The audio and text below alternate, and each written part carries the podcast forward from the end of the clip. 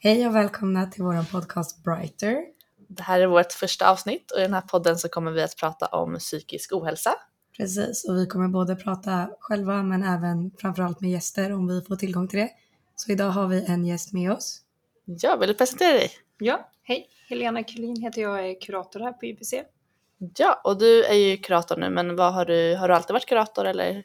Nej, jag har varit ett år på Nacka gymnasium också som kurator och Ja. innan det har jag mest jobbat inom socialtjänsten. Alltså dels socialjouren och lite med utredningar men framförallt med placerade barn, alltså barn som är i familjehem eller på HVB-hem. Mm. Ja, och varför valde du att bli kurator eller jobba inom det du liksom har valt att jobba med?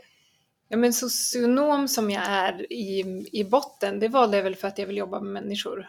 Ehm, och då hade jag nog lite andra tankar. Men sen efter, efter att jag hade varit i socialtjänsten och just med placerade barn så kände jag att jag ville göra någonting annat och få en annan relation. Man får en annan relation till eleverna. Det blir en annan typ av samtal här och det är en annan typ av problematik också.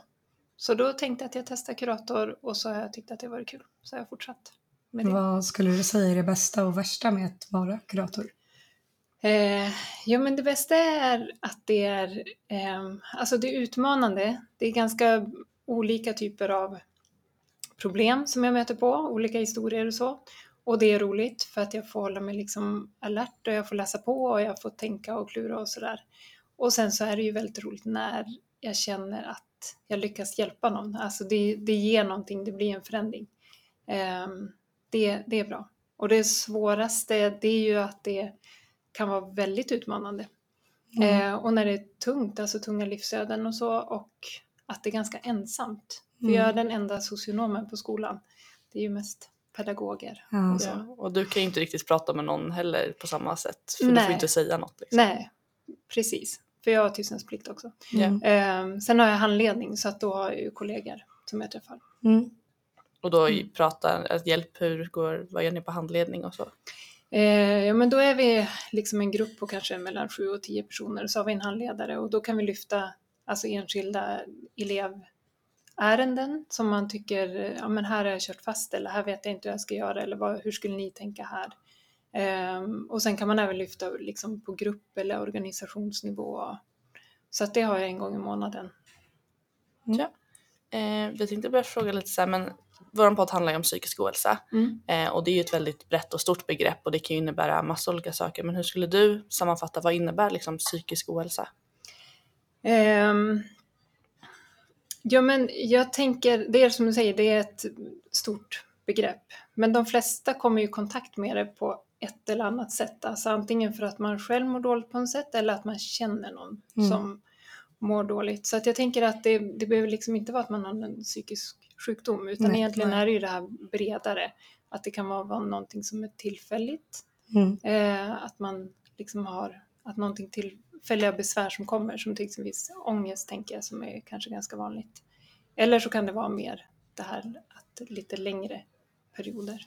Ja, lite, var det tydligt? Ja, men Ja. För att jag tycker att det är en väldigt bra exempel på att det känns som att man, många tror att så här, psykisk ohälsa är en sån stämpel och att det är en, man måste uppfylla, man måste vara djupt deprimerad för att lida av psykisk ohälsa eller må dåligt. Men det känns som att det är alla på något sätt antingen har eller kommer eller har någon i närheten som på något sätt har Ja. lidit av psykisk ohälsa. Ja, verkligen.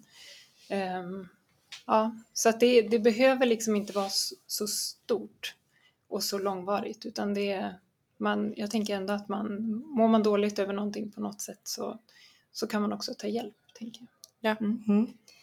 Ehm, jag tänker, du har ändå jobbat som kurator nu ett tag Mm. eh, och innan det med människor på andra sätt. Eh, så utifrån dina erfarenheter, vad är den största anledningen till att folk ofta mår dåligt?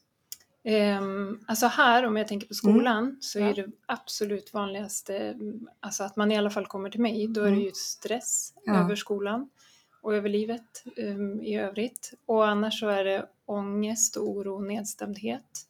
Ehm, sen kommer sömn, är ganska vanligt också, att man söker och då när man sover dåligt då, då blir man oftast, då får det också en påverkan. Mm. Ehm, och sen hem, alltså hemförhållanden, att det kanske är mycket konflikter hemma eller att det är någonting hemma som inte är bra. Mm. Och hur kan man då, speciellt skolstressen är ju aktuellt för liksom oss och så, hur, Ja. vad har du för tips på hur man kan hantera den? För att det är kanske inte alltid man känner att man orkar söka hjälp eller man vill prata med någon, hur liksom kan man själv göra? Ehm, ja, men jag, jag tänker lite på olika nivåer. Alltså Ja. Dels tänker jag på organisationsnivå, alltså att som skolan ska förebygga så mycket stress som möjligt. Ehm, och det tänker jag att vi pratar ganska mycket om inom EOT, elevhälsoteamet. Ehm, och även lärarna vet jag.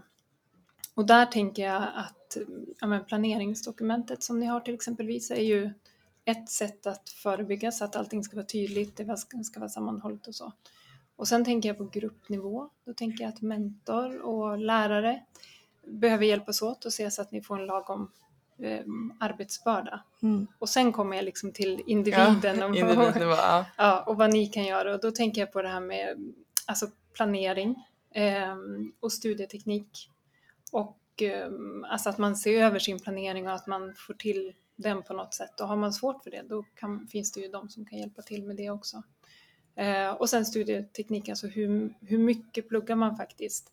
Eller hur mycket kanske man tänker på skolan men man kanske inte får så mycket gjort. Och då Nej, kan att man... sitter och tänker att nu ska jag jobba Ja. och sen så blir det inte så effektivt jobb när man väl gör det. Nej, och så känner man att nu har det gått flera, flera timmar och jag har inte fått så mycket gjort. Nej, och sen är dagen slut och då Ja. måste man sova. Ja, och så får man lite dåligt samvete för att man inte har gjort det. Ja. Ehm, Så studieteknik tänker jag också är, är bra.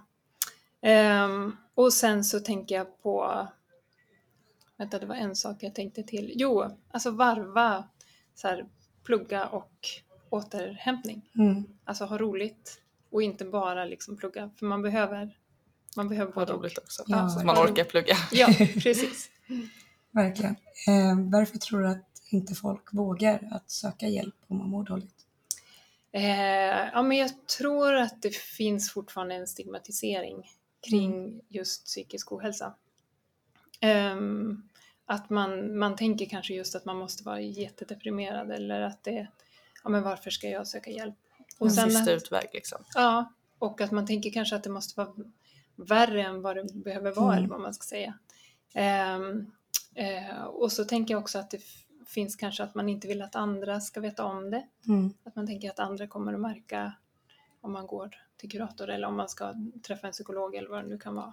Mm. Ehm, ja, så det och sen så det kanske det här att man tror att det inte kommer hjälpa Ja. också. Det är ju, Ja. alltså, det är för när, jag, pratar- när vi pratar med våra kompisar så då är det ofta så här bara, men varför? Alltså Ja. det kommer inte Ja. hjälpa ändå. Nej. Eller hur ska det hjälpa att jag pratar med någon liksom? Ja.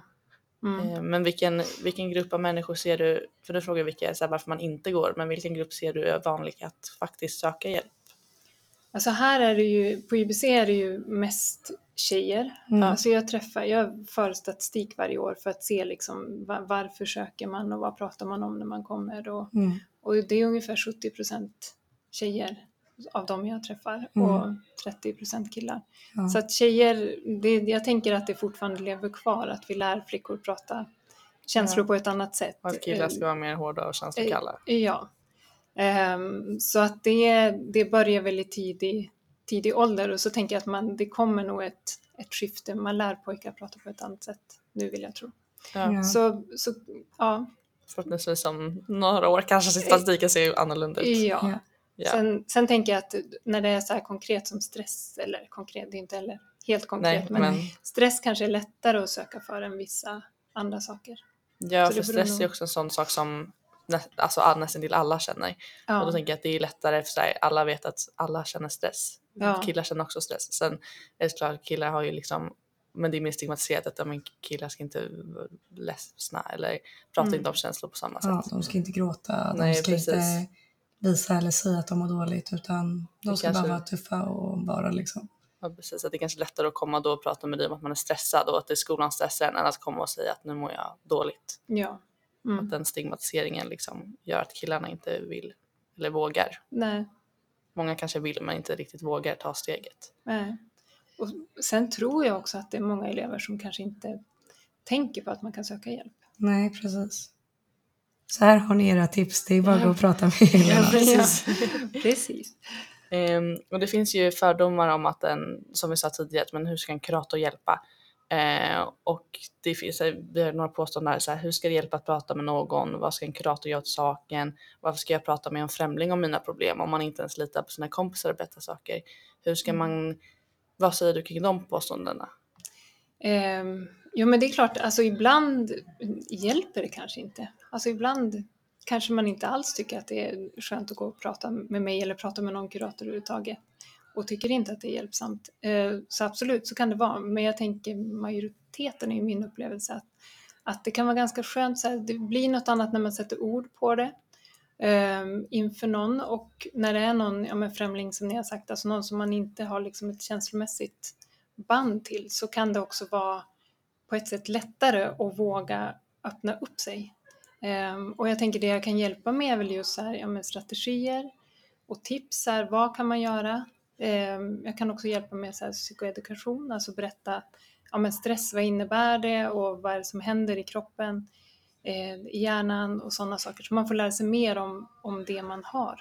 Eller har lättare att eller- förstå kanske vad det är som faktiskt sker än att så här, nu mår jag dåligt för att jag är stressad. Ja. Så varför gör jag det då? Ja, så att jag tänker att jag, menar, jag kan hjälpa till liksom kartlägga vad, vad det handlar om, förklara vad som händer Mm. eh, och sen så liksom, ja men de här tipsen är det, det du kan prova.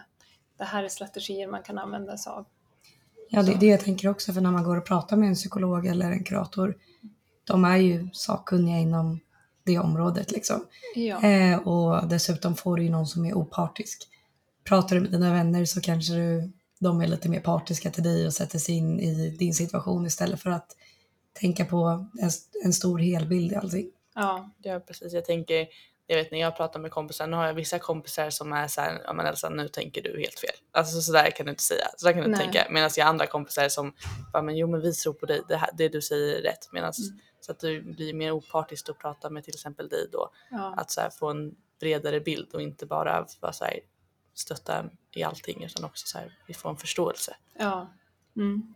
Och sen Mm. tänker jag, tycker man inte om att, och, alltså klickar man inte eller vill man inte prata med just med mig så kan jag ju alltid tipsa om vart man kan vända sig också. Jo men precis, det finns ju jättemycket. Man kan ju gå till Umeå och prata med Mm. kuratorer och så vidare där också. Och sen den här, om man nu känner så här, okej nu ska jag söka, jag känner att jag mår dåligt och jag vill prata med någon och så bestämmer jag mig till exempel att gå och prata med dig. Men den här, om jag berättar för dig, kommer du berätta för dina föräldrar? Det är det, det påståendet. Ja, nej men och- och det, på gymnasiet så är man ju så pass stor Ja, så där, jag tar inte kontakt med föräldrar om jag inte, för jag har tystnadsplikt. ja, Så att jag tänker, jag berättar ju inte ens vilka jag träffar. nej, Och jag brukar inte hälsa, alltså öppnar jag dörren och för massa elever då säger jag hej och, och sådär. Men jag brukar inte hälsa enskilt på elever som jag träffar om inte de hälsar. En del är helt öppna med det och en del vill ju inte alls Mm. att andra ska veta. Ehm, men sen så tystnadsplikten försvinner liksom om jag blir tillräckligt orolig för då är jag anmälningsskyldighet. Och då behöver jag kontakta föräldrar.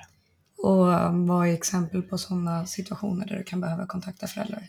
Um, ja men om det är till exempel droger, tänker jag. Alltså att, att man märker, eller egentligen över grunden så här, om jag märker att en elev skadar sig själv på något sätt och då kan det vara, ja, men det kan vara droger, det kan vara ätstörning. Det behöver liksom inte vara självskadebeteende med att skada sig själv utan det kan vara andra Mm, saker Nej, också. precis, utan Ja. på något sätt att man far illa eller att man kanske gör någon annan illa. Mm. Ja, Ehm, eller så kan det vara att det gäller liksom hur det är hemma. Alltså Ja. att det är missbruk hemma eller att det är ehm, våld i Mm. hemmet. Och då, och då är det lite olika för ibland behöver man kontakta socialtjänsten och ibland så kan det ju eh, räcka med att ringa föräldrar. Men Ja. grunden är liksom att jag inte gör det. Nej. Och mm, hör föräldrar av sig så brukar jag alltid säga att nej, men då måste jag stämma av vad, vad jag får säga. Och det är Ja. väldigt sällan föräldrar gör det och de flesta Mm. brukar respektera det. ja, precis. Jag tänker också om man själv väljer att gå och prata med en kurator och dig då till exempel och inte väljer att berätta det för sina föräldrar då och då har du ingen anledning att prata med dem liksom, om du inte är det här att du blir orolig. Liksom. Ja, nej. Och skulle jag, de gånger jag behöver prata med föräldrar, då gör jag det inte bakom ryggen. För det är en Mm. del som har varit med om också i grundskolan, att Mm. kuratorn har bara ringt. Eh, och det gör jag aldrig, utan då förklarar jag och även om man inte tycker om det så kanske man brukar ändå förstår Mm. varför. Så man ändå är liksom förberedd på det och inte kommer hem till middagsbordet och säger nu har Nej. din kurator ringt mig. Nej. Nej. utan då brukar vi komma överens om, ja men jag säger det här och jag brukar ja, men säga jag ringer den och den tiden eller vill du prata hemma först eller Ja. hur vill du göra? Ja, det är ju superbra. Ja.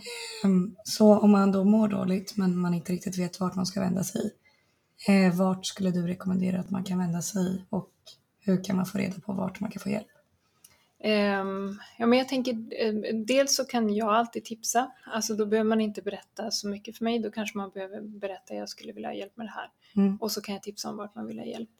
Eh, på umo.se brukar de ju skriva ganska mycket vart man också kan vända sig.